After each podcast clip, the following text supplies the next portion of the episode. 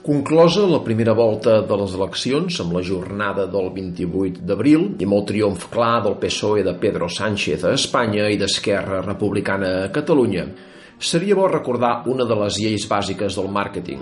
Per la llei del lideratge és millor ser el primer que no pas ser el millor, en aquest cas el més espanyolista i el més radical. El Partit Socialista, sense moure's del seu espai natural, l'esquerra moderada, ha aconseguit un excel·lent resultat. Obté 123 escons i el 28,7% dels vots. El polític madrileny, que molts donaven per acabat fa pocs mesos en la seva lluita contra Susana Díaz i els barons socialistes, s'ha guanyat un lideratge indiscutible. Ara podrà governar en solitari o buscar aliances puntuals on més li convingui. També Esquerra Republicana, amb el lideratge en captivitat d'Oriol Junqueras, empresonat amb la resta dels dirigents independentistes des de fa més d'un any i mig, ha aconseguit un gran resultat. Per primera vegada, des de la restauració democràtica, els republicans han guanyat unes eleccions espanyoles a Catalunya i amb 15 diputats, 6 més dels que tenia actualment, s'han erigit en triomfadors de la contesa electoral. Tant el PSOE com Esquerra Republicana són dos partits que no s'han mogut de l'espai polític que els és propi, defensant propostes que tenen molt de recorregut i que no han variat substancialment en el seu plantejament. Qui sí que ho ha fet és el Partit Popular, amb el nou lideratge de Pablo Casado, i els resultats han estat molt dolents. Oblidant la primera llei del màrqueting, el Partit Conservador ha fet un gir cap a la seva dreta i ha radicalitzat, si això és possible, el seu discurs. Abandonar l'espai conservador de centre-dreta ha estat un greu error per al partit amb seu al carrer Gènova. Ha permès que Ciutadans ocupés sense esforços aquest espai, mentre que la lluita per l'extrema dreta amb Vox ha estat infructuosa. De nou, és millor ser el primer que el més radical i el més extremista, i el partit polític que reivindica des del seu origen els principis extremistes del populisme ibèric és el de Santiago Abascal. Vox és qui primer es posiciona dins l'espai ultradretà, mentre que el PP és el segon partit que hi arriba, i els resultats en donen testimoni. El PP quedava amb només 66 escons, el 16,68% dels vots, una caiguda sense pal·liatius des del 135 que va obtenir el 2016.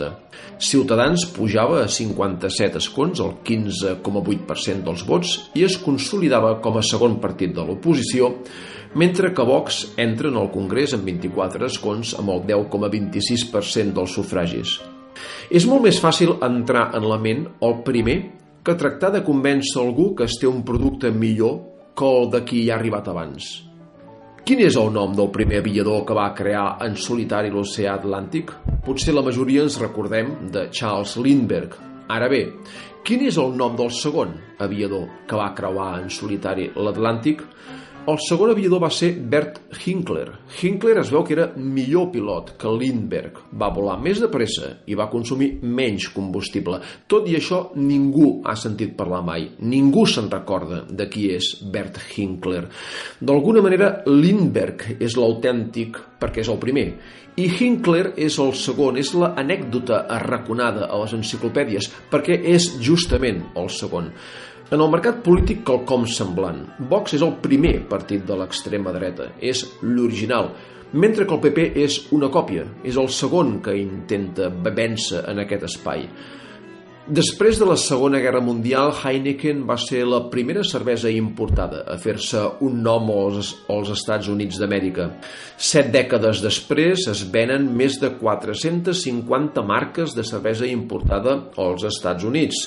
Segur que alguna d'aquestes marques té millor gust que Heineken, però això importa relativament poc. Avui, Heineken continua ocupant un lloc privilegiat en el mercat cerveser nord-americà. No hi ha dos productes més semblants que uns germans bessons. No obstant això, molts bessons es queixen que el primer a qui coneix una persona sempre serà el seu preferit, encara que aquesta persona també arribi a conèixer l'altra. El secret de l'èxit és entrar al primer element dels consumidors. Moltes vegades, el primer es converteix en líder.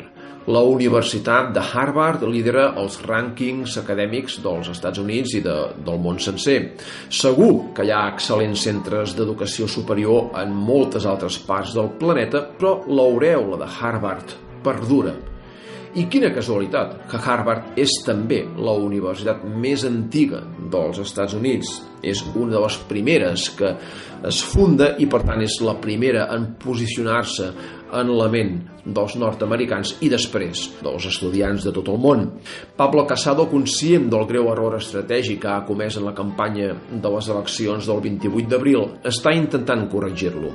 Immediatament després d'haver promès ministeris a la formació d'Abascal si guanyava, per primer cop immediatament després els anomena ultras, el seu discurs s'ha moderat i reclama de nou que l'espai propi del Partit Popular que mai hauria d'haver abandonat és el centre-dreta.